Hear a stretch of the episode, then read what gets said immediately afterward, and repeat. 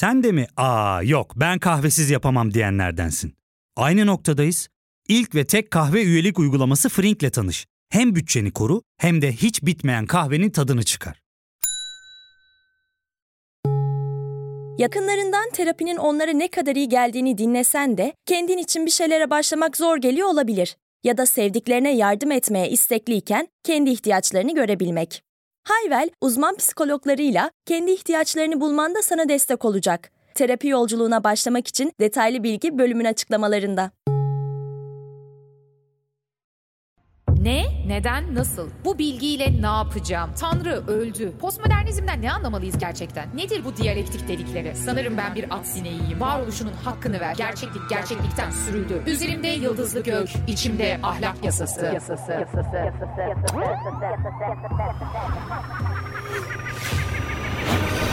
Dünyaya fırlatıldık.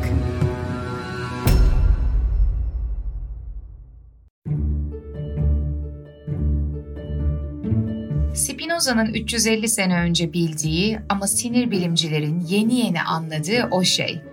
Özgür irade falan yok. Geçtiğimiz bölümde Spinoza güzellemesine başlamış, onun kendi çağının çok çok ötesinde olan fikirlerinden bahsetmeye başlamıştık. Öncelikle onun tanrı doğasının aşkın olmadığına dikkat çektik. Yani eğer Tanrı'yı varlığın, evrenin dışında aşkın bir yaratıcı güç olarak düşünüyorsanız bu Spinoza'nın Tanrısı için pek uygun olmayacaktı. Bunun etrafında kurmuştuk.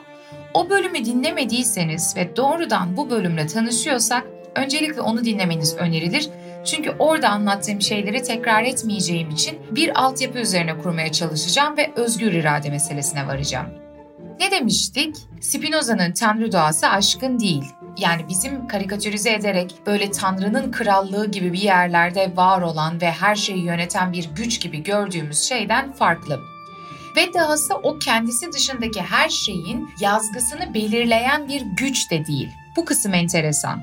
Daha da enteresan olanı kendi yazgısını da kendisi seçmemiş. Yani onun seçmeyebilecekken seçtiği şeyler gibi bir karardan söz etmiyoruz hızlı ve sert bir başlangıç olduğunun farkındayım.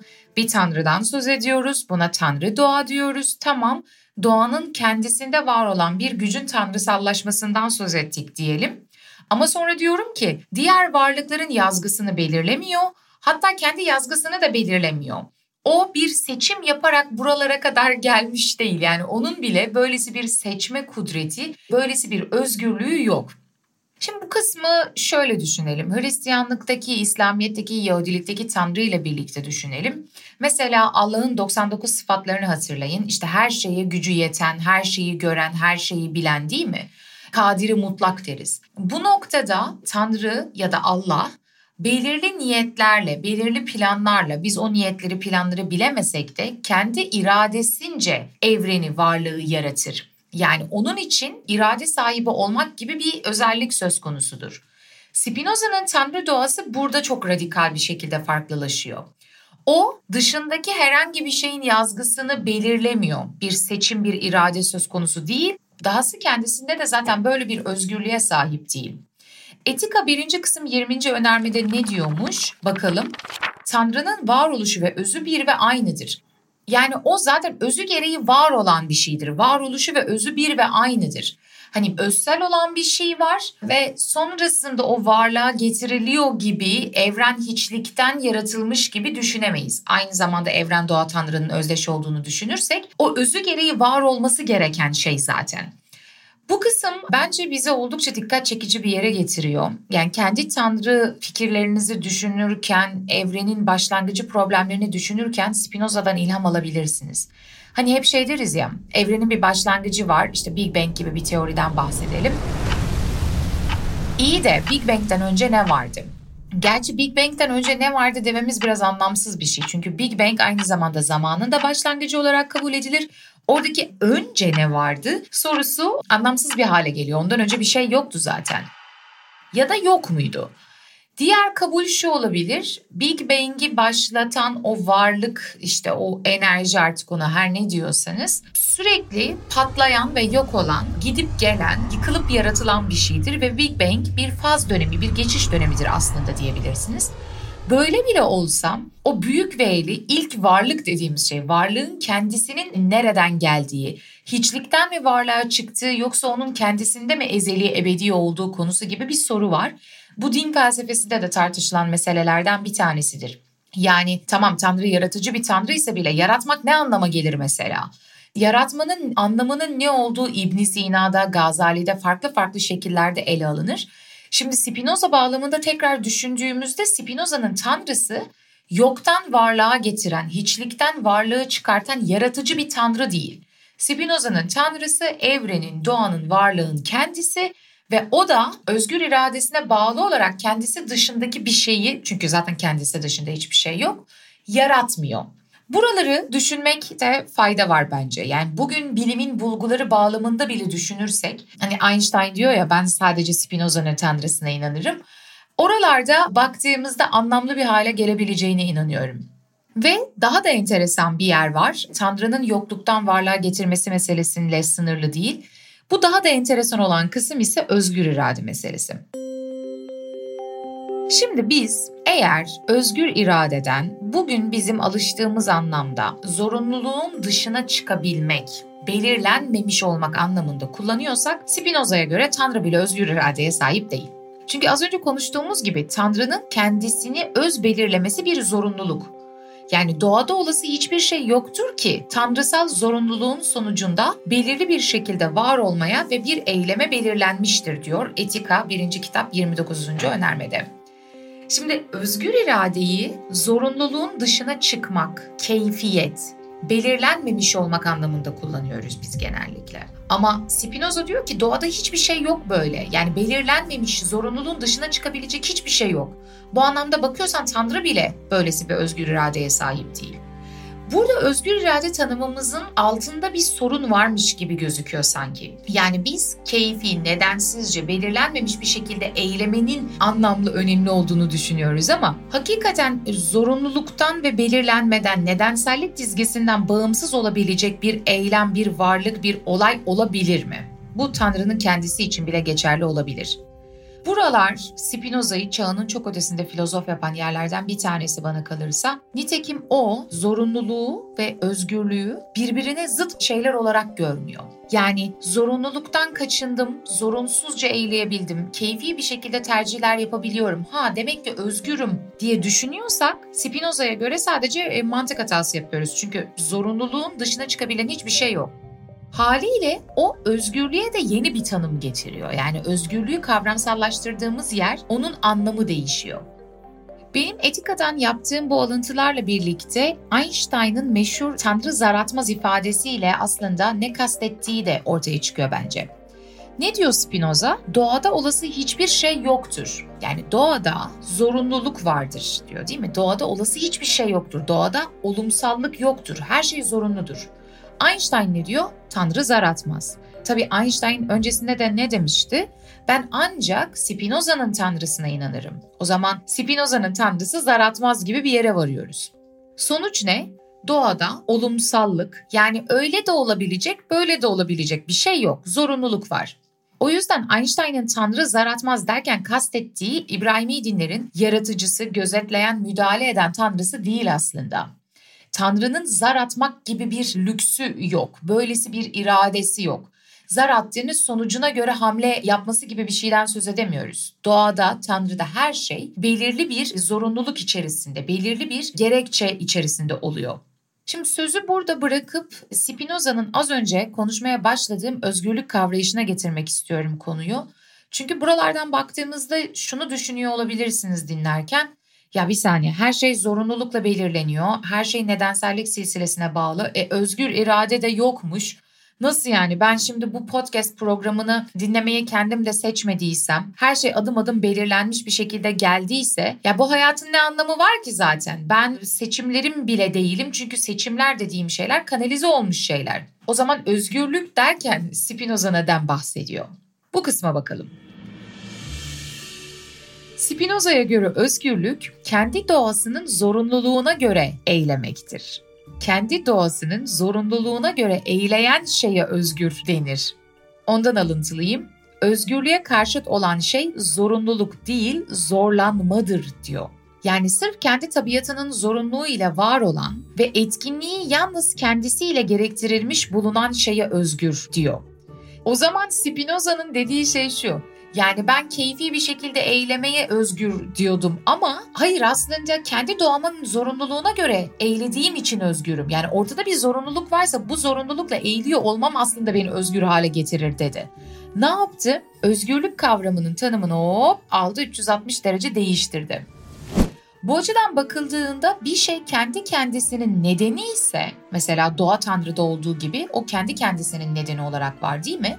O kendi kendisinin nedeni olduğu için özgür zaten. O yüzden zorunluluk içerisinde türetiyor olması aslında özgürlüğüne engel değil diyor Spinoza. Nedensizce eylemenin biz özgürlük olduğunu zannediyoruz. Neden yokken Tanrı evreni yarattı, varlığı yarattı diyoruz mesela. Ama bunu söylediğimizde biz zaten varlığın kendi doğasına ters bir şey söylüyoruz. Yani direkt yanlış bir şey söylüyoruz. Burada fark şu, Tanrı doğa dediği şey kendi doğasının zorunluluklarıyla eğiliyor. Değil mi? Bu açıdan gerektirilmek gibi bir şey yok. Ama biz insanlar olarak çeşitli bedenlerle karşılaştığımız için gerektiriliyoruz. Yani bir taraf kendi doğasının zorunluluklarıyla eyler, gerektirilmiyor. Bir taraf gerektiriliyor. Yani Tanrı'nın özgürlüğü kendi kendisinin zorunluluklarıyla eylerken başka bir şeyden etkilenmiyor. Çünkü zaten o olmayan bir şey yok. O yüzden o özgür.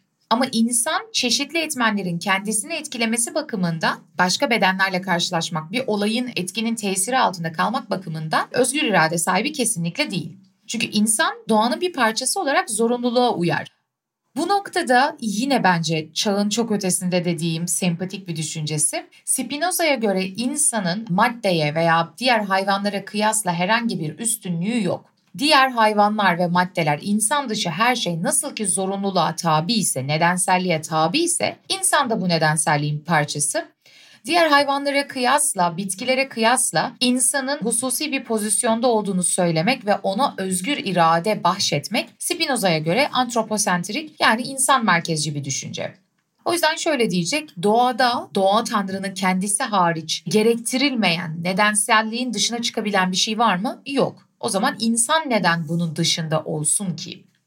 Şimdi biraz da şuralara bakmak istiyorum. Peki madem her şey doğa tanrının kendisi o bir ve bütün aynı şey, insan ve tanrı arasındaki ilişki ne? Çünkü bazen insan diyorum, bazen hayvan diyorum, bazen bitki diyorum, bir de tanrı doğa diyorum ama tanrı doğa her şey diyorum. Ben ve tanrı arasındaki ilişkiyi nasıl kuruyoruz? Bu kısım belki Hinduizmle ilgilenenler, işte Budizmle ilgilenenler, Sufizm, tasavvufla ilgilenenler, şamanizmle ilgilenenlere biraz tanıdık gelebilir. Benzerlikler olduğunu ben de felsefenin izinde yolculuk projesiyle birlikte batı dışı felsefeleri araştırmaya başladığımda fark ettim. Şimdi şu Tanrı doğa ve insan arasındaki ilişkiyi tekrar sorunsallaştıralım istiyorum. Doğa Tanrı dediğimiz şey kozmik sahnenin kendisi ve o sonsuz ve sınırsız. Ama onda meydana gelen her şey sonlu ve sınırlı. Bu sonlu ve sınırlı dediğim şeyler mesela insan, kaya artık her ne derseniz deyin tekillikler aslında tek bir töz olan doğa tanrının kendisini dışa vurma biçimleri. Ya da Spinoza'nın terminolojisiyle konuşalım, onun modusları. Tanrı doğa kendisini dışa vurarak ifade ediyormuş gibi düşünün bunu. Yani özünde bir tek bir hakikat var. Bu böyle organik canlı oluş içeren bir bütün ve o kendisini ifade etmek istediği için değil bakın. Kendisini ifade etmek istiyor dersen burada hala bir tercihten, bir iradeden bahsederim.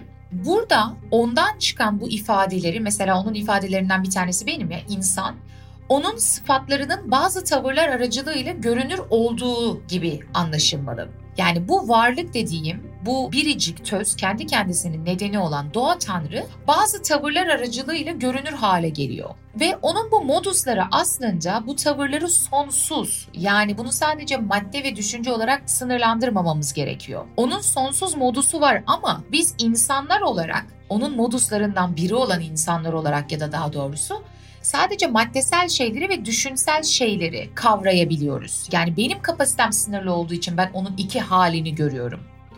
Bu açıdan bakıldığında ağaç, hareket, güzellik gibi bir kavram, insan, benim bedenim, makas, aklınıza gelebilecek her şey aslında Tanrı'nın bir parçası olarak Tanrı doğadır ya da onun bir halidir. Ve doğa Tanrı moduslarının olduğu her şeydir Ama modusları onun olduğu her şey değildir. Yani biz onun sadece veçheleriyiz. Burada bunu şöyle de düşünebilirsiniz. Bütün parçaların olduğu her şeydir değil mi? Evet. Bütün parçaların olduğu her şeydir. Ama tüm parçalar bütünün olduğu her şey midir? Değildir. Ya parça ve bütün arasındaki ilişki gibi. Bizler doğada gördüğümüz tekil olan her şey görünüşler ve çeler olarak algılanmalı ya da bu şekilde anlaşılmalı. Var olan her şey Tanrı'da vardır diyebiliriz ya da burada. Tanrı doğadır, her şey Tanrı'da ve doğadadır. Yani Tanrı özetle her şeydir. Şimdi burada ben bütün parça olarak bir ilişki kurdum. Bunu tekrar altını çizmek istiyorum. Ben Tanrı'nın bir parçasıyım ya da doğadaki tek tek parçalar bir araya geliyorlar ve onların böyle aritmetik toplamına ben Tanrı diyorum dersek Spinoza'yı yanlış anlarız. Burada tek tek parçalar kendi varlıklarını koruyarak bir araya geliyorlar. Böyle bir Lego düşünün bunu. Legolarda parçalar vardır ve üst üste takarsanız o bütün oluyor gibi düşünüyorsanız yanlış anlaşıldı ya da ben yanlış anlattım. Burada tek tek parçalar kendi varlıklarını koruyarak iç içe geçiyorlar ve bütünü meydana getirmiyorlar. Burada organik etkileşim içerisinde değişen, dönüşen, sınırsız ve sonsuz bir oluşun bütünlüğünden söz ediyoruz. Bir insan var, bir ağaç var. Bunların böyle her biri tek tek parçalar bir araya getirdik ve o kümeye de tanrı doğa demedik. Şimdi biraz felsefi terminolojiye başlayacağım artık. Bunları böyle genel kültür açısından bilmekten ziyade mantığını da anlatacak bence. Umarım anlatabilirim. İki tane kavramdan söz edeceğim. Bir tanesi natura naturans, bir diğeri natura naturata.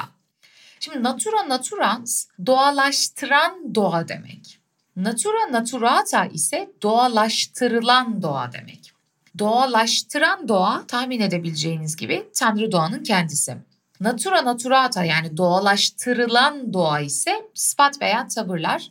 Yani mesela Tanrı'nın bir tavrı olarak var olan her şeyi düşünebilirsiniz. Ama burada dikkatinizi çekmek istediğim bir şey var. Hep bir etkinlik var. Doğalaştıran doğa, doğalaştırılan doğa. O yüzden Solmaz Zerlüt'ün çok güzel bir yorumu var bu kısımda. Yaratıcı doğa ve yaratılan doğa şeklinde ikiye ayırırsanız yani meseleyi yaratım ölçüsünde kavradığınız sürece Spinoza'dan uzak düşersiniz diyor o. Burada doğayı aynı fiilin etkin ve edilgin halleri olmaklık olarak düşünmeliyiz. Doğa yaratıcı olduğunda Tanrı doğanın kendisi, onun bir hali olarak yaratılmış olduğunda, insan olduğunda yine bu da Tanrı doğanın kendisi ama onun farklı bir etkinliği. Burada fiil bakımından bir farklılık var. Bu durumda bir taraf türeten, diğer taraf ise türetilen oluyor. Ama bunun bir sonucu olarak da şöyle bir yere vardık. Yani Tanrı ve insan veya diğer şeyler arasındaki ilişkinin hani özü gereği, doğası gereği bir ve aynı şeyler olduğunu sadece eylemler fiil bakımından farklı olduğunu söylediğimizde Tanrı maddesel bir şey de oluyor sanki. Buradan şuraya varmaya çalışıyorum. Tanrı hem düşünen hem de yayılımı olan bir şeye dönüştü. Yani değil mi uzay zamanda yer kaplayan anlamında yayılımı olan bir şeyden söz ediyorum. Bu noktada bölümü ufak bir ara verelim, sonrasında kaldığımız yerden devam edelim. Ya fark ettin mi? Biz en çok kahveye para harcıyoruz. Yok abi, bundan sonra günde bir. Aa, sen Frink kullanmıyor musun? Nasıl yani? Yani kahvenden kısmına gerek yok. Frink'e üye olursan aylık sadece 1200 TL'ye istediğin çeşit kahveyi istediğin kadar içebilirsin. Günlük 40 TL'ye sınırsız kahve mi yani? Çok iyiymiş. Aynen. Hatta şu anda 200 TL'lik bir indirim kodu da var. E hadi hemen indirip üye ol da bu fırsatı kaçırma. Terapiye başlamak, içinden çıkamadığın döngüleri kırmak, bazı yanlış bulduğun kararlarını değiştirmek ve kendinle beraber daha huzurlu bir yaşam inşa etmek için atabileceğin en değerli adımlardan biri. Hayvel ile yoğun yaşam tempona uyum sağlayarak online terapi seanslarını takvimine göre ayarlayabilirsin. Bini aşkın uzmandan sana en uygun terapisti seçebilir, podb10 koduyla indirimden yararlanabilirsin. Detaylı bilgi açıklamalardaki bağlantıda.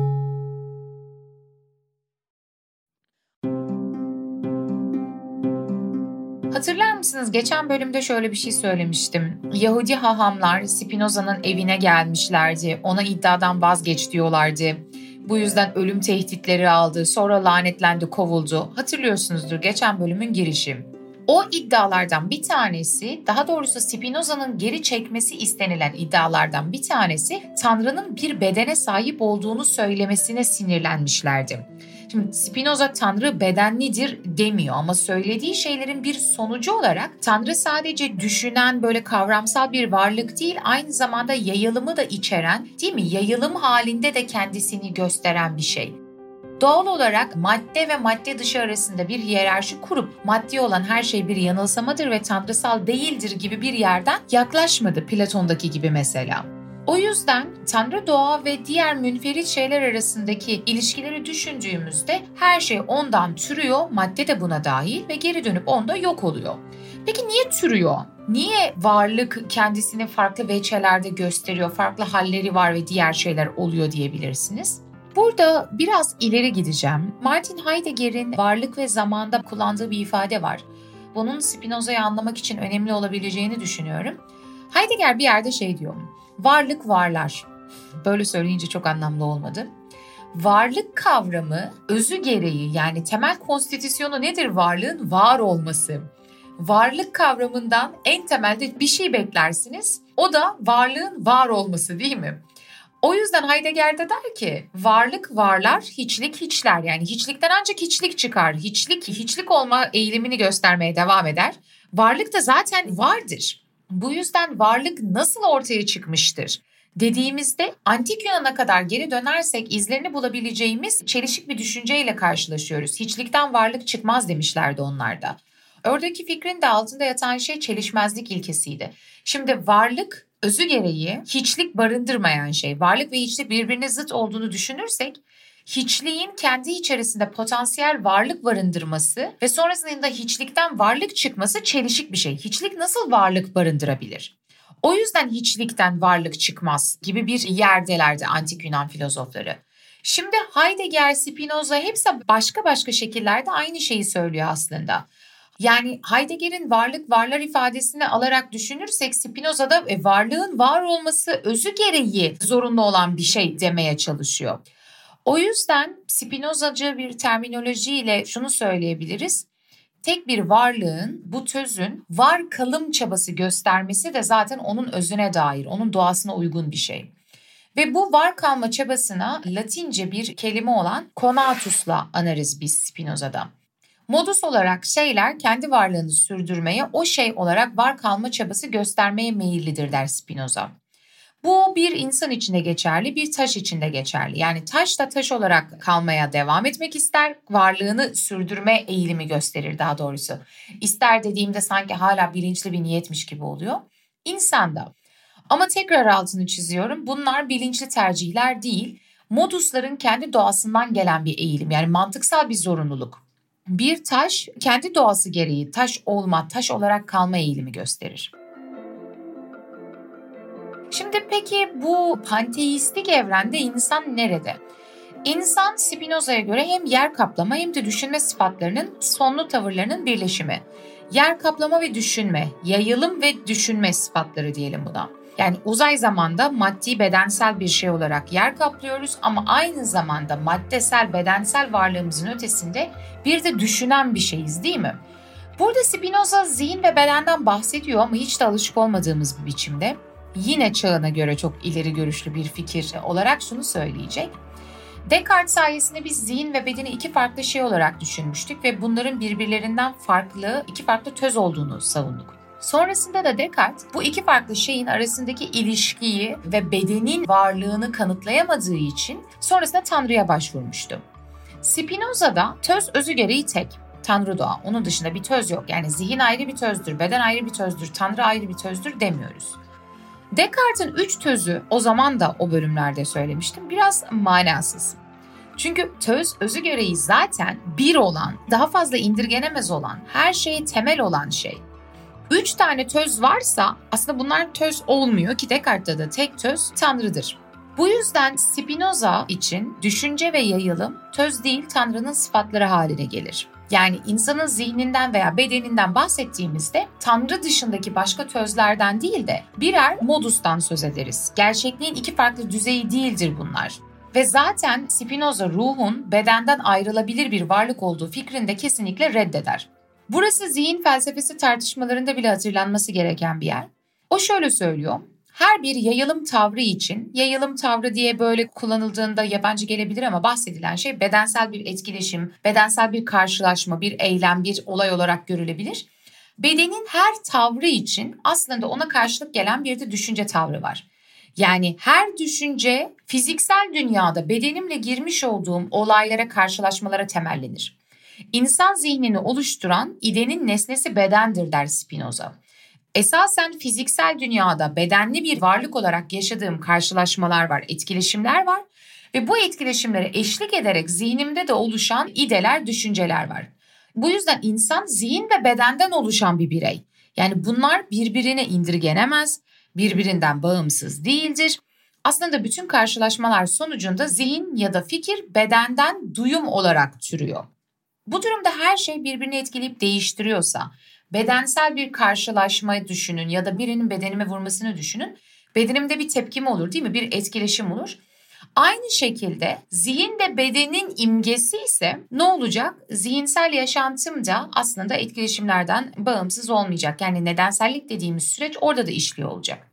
Spinoza bu yüzden bir determinist, her eylemin bir önceki nedenlerin sonucu olduğunu düşünüyor. Burada insan merkezci bir düşünce olmadığını söylemiştik. Ben eğer bir taşı camdan aşağı fırlattığımda taş yere çakılıyorsa, nedenselliğe tabi ise aynı şekilde insanın da bütün eylemlerinde nedenselliğe tabi olduğunu söylememiz gerekir. Bu kısmı biraz daha kanıtlamaya girmeden önce yani neden nedenselliğe tabi olsun ki zihin, ben özgür irademle tam da belirlenim dışında eğlediğim için insan değil miyim gibi bir yerdeyseniz Önce Oscar Wilde'ın anlattığı bir hikayeyi paylaşmak istiyorum. Üzerine konuşalım. Oscar Wilde şöyle yazmış. Bir takım çiviler, raptiyeler ve iğneler bir mıknatısın yakınında yaşıyorlarmış. İçlerinden bir tanesi demiş ki, bence mıknatısı ziyaret etmeliyiz. Bir başkası, bence mıknatısın ziyaretine gitmek bizim asli görevimiz diye eklemiş. Beriki, bunu hemen şimdi yapmalıyız. Geç kalmamız hiç doğru olmaz demiş. Tüm bunları konuşurken bir taraftan hızla mıknatısa doğru geldiklerinin, daha doğrusu çekildiklerinin farkında değillermiş. Mıknatıs için için gülüyormuş. Çünkü onların geleceklerini biliyormuş. Özetle biz hür irademizle hareket ettiğimize inanmak istiyoruz ama ne yazık ki bu doğru değil. O mıknatısın ziyaretine gitmek isteyen raptiyeler gibiyiz. Yani ben mıknatısı ziyaret etmek istediğimi zannediyorum ama zaten o mıknatısa doğru çekilmekteyim. Konuyla ilgili 20. yüzyılda yapılan deneyler var. Bunlardan bir tanesi belki de en ünlüsü Benjamin Libet deneyleri. Libet deneylerinde farklı versiyonları da var bunun. Ben tuşa basmalı olanından bahsedeceğim. Bazı denekler var ve onlara canı ne zaman isterse özgür iradesiyle kırmızı bir tuş var orada. O tuşa basması gerektiği söyleniyor. Ve karşılarında tam bir saat var ve kafalarında da onların bütün hareketlerini, eylemlerini ölçen EEG türü cihazlar olduğunu söyleyelim. Denekler ne zaman istiyorlarsa tuşa basıyorlar. Ama o kafalarına bağlı olan cihazlarla birlikte şunu görüyoruz. Kullanıcı tuşa basmaya karar verip tuşa basmadan 500 milisaniye kadar önce aslında o tuşa basma eylemi nörolojik olarak başlamış. Yani beynindeki nörolojik süreç onun basmaya karar verip tuşa basmasına önsel. Bu kısım Benjamin Libet deneyinin sonuçlarından daha doğrusu tartışmalı sonuçlarından bir tanesi. Bizler bir şeyi yapmak istediğimizi zannederek onu yapıyoruz ama ben onu yapmaya karar vermeden önce zaten beynim beni onu yapmaya yönlendirmiştir gibi bir sonucu var bunun. Tıpkı Oscar Wilde'ın hikayesindeki mıknatıs ve raptiye gibi. Yani ben zaten mıknatısa çekilmekteyim ama ben bu çekilme anında aa ben mıknatısı ziyaret etmek istiyorum diyorum gibi bir sonucu var. Tabi Benjamin Libet deneylerinin böyle bir sonuca ulaştırmayacağını, bunun yanlış bir sonuç olduğu konusunda da tartışmalar var. Bu apayrı bir konu olurdu ama Spinoza bağlamında burada şunu vurgulamak lazım benim fiziksel bir varlık olan bedenim nedenselliğe tabi iken zihnim bedenimden tamamen bağımsız böyle özel başka bir varlık mevcudiyet alanında değilse nasıl zihin de o bedenselliğe tabi olmaz? O yüzden her karşılaşmada hem beden hem de zihin etki yayar ve etki alır. Yani bunu tamamen etkileşimin esas olduğu, olayın oluşun esas olduğu bir örüntü ağı gibi düşünmek lazım. Ama buradaki nüansı yakalayanlarınız olmuştur belki. Spinoza başlangıçta ne demişti? Nedensizce eylemek özgürlük değildir demişti. Yani o rastgelelik olurdu. özgürlük tanımımızı yeniden düşünmüştük. Bu noktada içinizden yani özgürlüğün tanımını değiştirip kendi kendimizi mi kandıracağız, özgür falan değilmişiz işte diyorsanız onu demek istemiyorum.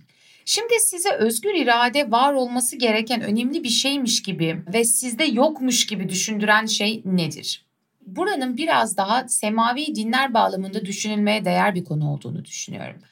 Şimdi Tanrı iyiyse neden kötülük var bölümünde de bahsetmiştik. Tanrı bize özgür irade verdi ve Tanrı'nın bize özgür irade vermiş olmasının dünyadaki kötülükle kıyaslandığında daha iyi bir amaç olduğunu söyledik.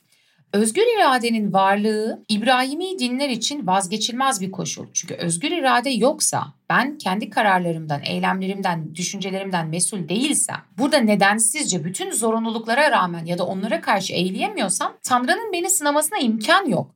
Yani o noktada beni herhangi bir şekilde sınayıp cezalandırdığında e, ben zaten zorunlulukla eğiliyorum. Özgür iradeye sahip değilim ki demek hakkımız olurdu. Burası Hristiyanlığın, İslamiyet'in veya Yahudiliğin özgür irade bağlamında koruması gereken, gerekçelendirmesi gereken yer haline geliyor. Bu açıdan bakıldığında ortada negatif bir durum varmış gibi gözüküyor ama Spinoza bunun pozitif bir imkan olduğunu söylüyor. Burası biraz enteresan. Şimdi en başa dönersek birinci bölüme bu kitabın tüm amacı etikti değil mi? Bize etik bir yaşamın esaslarını ortaya koyacaktım. Eğer özgür irade yoksa, tıpkı az önce bahsettiğim dinlerdeki gibi özgür iradenin olmadığı bir evrende etiğin anlamı ne olabilir ki? Yani Spinoza kendi kuyusunu kazmış olmadı mı? Spinoza'ya göre insan ancak kendi kendisini belirleyen zorunluluk ve nedenselliklerin farkına varıp onları anladığında özgürleşebilir. Burada kastettiği şey yanılsamalardan özgürleşmek bir yanıyla. Yani hangi nedenlerin bende hangi eylemlere yol açtığının farkındalığına varmak. Ben tamamen bu nedensellik silsilesinden bağımsızca eğilebiliyorum değil. Aa ben bu nedenler yüzünden bu şekilde eğiliyorum demek bir özgürlük aslında. Çünkü bunu fark ettiğinizde üzerinizdeki zorunluluğun gücü azalır. Burada bir örnek vereyim. Şöyle düşünelim. Arabayla trafikte giderken bir başkası hemen önünüze kırıyor. Çok sinirlisiniz ve tam o kişiyi döveceksiniz. O sırada bunu size yaptıran nedenler dizisinin farkına varmak mesela değil mi? Böylesi bir durum, böylesi bir farkındalık kısmi bir özgürlük sağlayabilir. Elbette bu tam anlamıyla nedenlerin etkisinden kurtulmak değil. Yani biz çoğu eğilimimizin nedenini fark etmeyiz dahi. Ama burada Spinozacı özgürleşmede kastedilen duyguların dayandığı belirlenimi anlamaktır aslında. Neyi neden yaptığını bilmek. Hepsini değil, bilebildiğin kadar ya da bilebilmek için çabalayarak özgürleşmek. Bu saçma gelebilir şu an ama bence bu durumu anlamsız yapmaz. Şundan bahsediyorum. Başka bir örnek vereyim. Şimdi fizikalistler aşk denilen şeyin nörokimyasal tanımını ortaya koyuyorlar. Değil mi? Aşk nedir diye Google'a yazarsak ben burada aşık olduğumda beynimde nasıl bir sürecin işlediğini veya aşık olmam için hangi süreçlerden geçtiğimi bulabilirim. Yani bunun bir fiziksel tanımı var. O yüzden şöyle diyebiliriz. Beyninizdeki şu şu şu sebeplerden dolayı aşık oluyorsunuz ve herhangi birine değil de özellikle o kişiye aşık olmanın nedeni ise bilinçaltındaki şu şu şu şu şu nedenler. Bana aşk acınızı anlatırken buyur sana dökümü bu yüzden aşık oldun desem ha tamam nedenleri varmış o zaman bu gerçek aşk değil aşık olmayayım der misiniz? Demezsiniz. Elbette aşkın hem biyolojik hem kültürel hem öz yaşam öyküsüne dayanan hem psikolojik nedenleri vardır. Hatta aşkın bu nedenlerden kaynaklı bir belirlenmişliği vardır. Aksi takdirde bunu düşünmek mantıksız olurdu belirlenmemiş olsa rastgele kazara olurdu değil mi? Anlamlı bir aşk olmazdı. Bu açıdan bakıldığında determinizmi korkutucu kaçınılması gereken bir şey olarak görmeme imkanı barındırıyor Spinoza. Elbette her şey nedenlere dayanır ve elbette sizin o düşünceye, o duyguya, o eyleme iten bazı zorunluluklar vardır. Ama bu nedensellik silsilesini, bu zorunluluğu, bu belirlenimi bilmek o eylemi yaşıyor olmayı, o eylemde bulunuyor olmayı daha az değersiz yapmaz. Çünkü aksi takdirde belirlenmiş olduğu halde doğada bir tek bende özgür irade var ve ben zorunluluğun dışına çıkabilirim demek sadece ve sadece insanın insan merkezci bir egosu. Yani kendi kendimizi kandırmamız değil mi? Belki de eski tanrısallığa öykünmesi. Son olarak şundan da bahsetmek istiyorum. Peki tüm bu var olanların ya da Tanrı doğadaki bu belirlenim, bu nedenselliğin, bu etkileşimin gittiği bir yer var mı? Yani amaç neydi?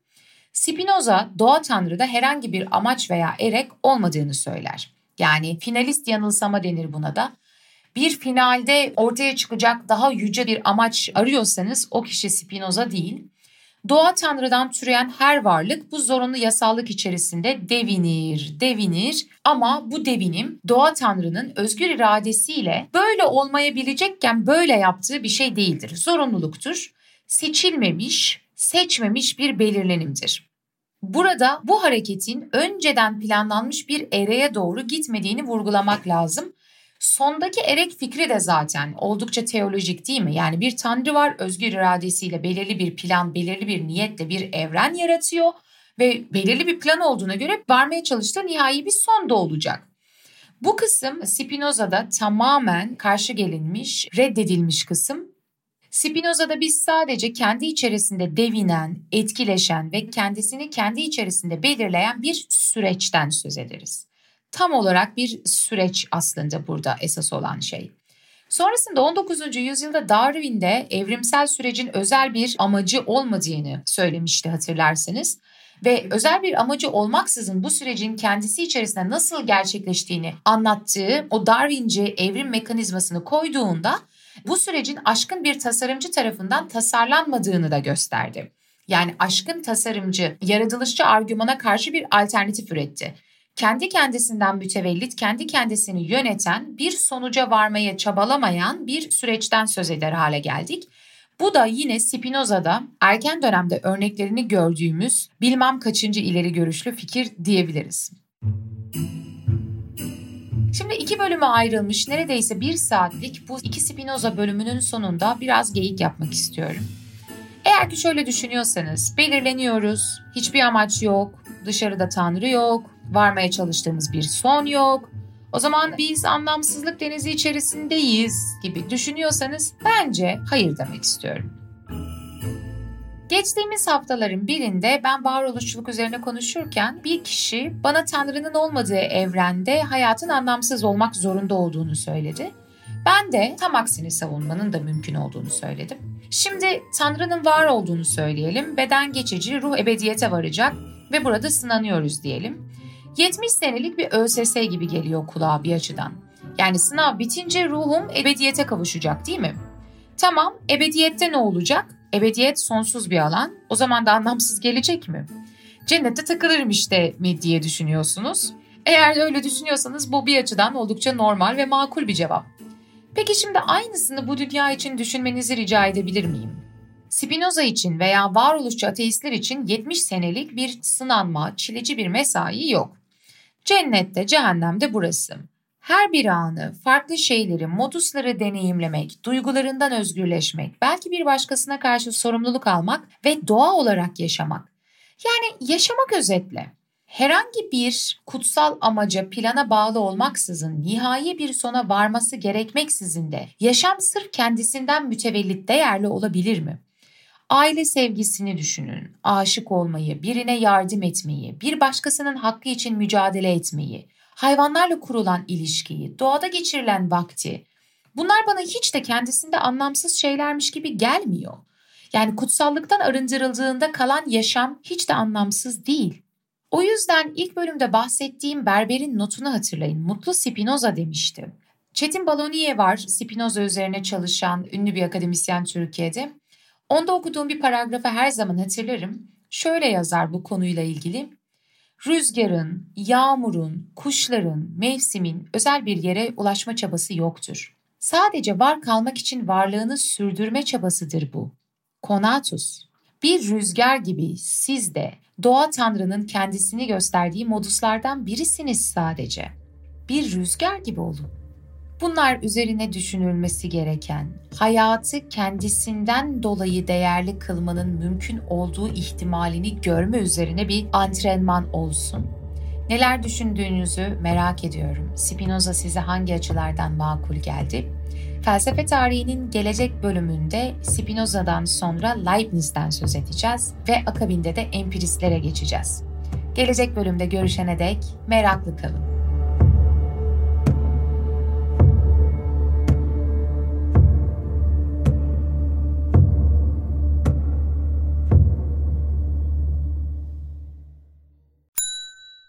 İlk ve tek kahve üyelik uygulaması Frink, 46 ildeki 500'den fazla noktada seni bekliyor. Açıklamadaki kodu girerek sana özel 200 TL'lik indirimden faydalanmayı unutma. Hadi sen de Frink üyeliğini başlat, kahven hiç bitmesin. Hem bugününe hem yarınına katacaklarıyla terapi yolculuğuna ve daha iyi hissetmeye bugün Hayvel ile başla. Açıklamadaki linkten Hayvel'i indir, ücretsiz tanışma görüşmelerinin ardından bütçene uygun seans paketini seç ve terapi yolculuğuna başla.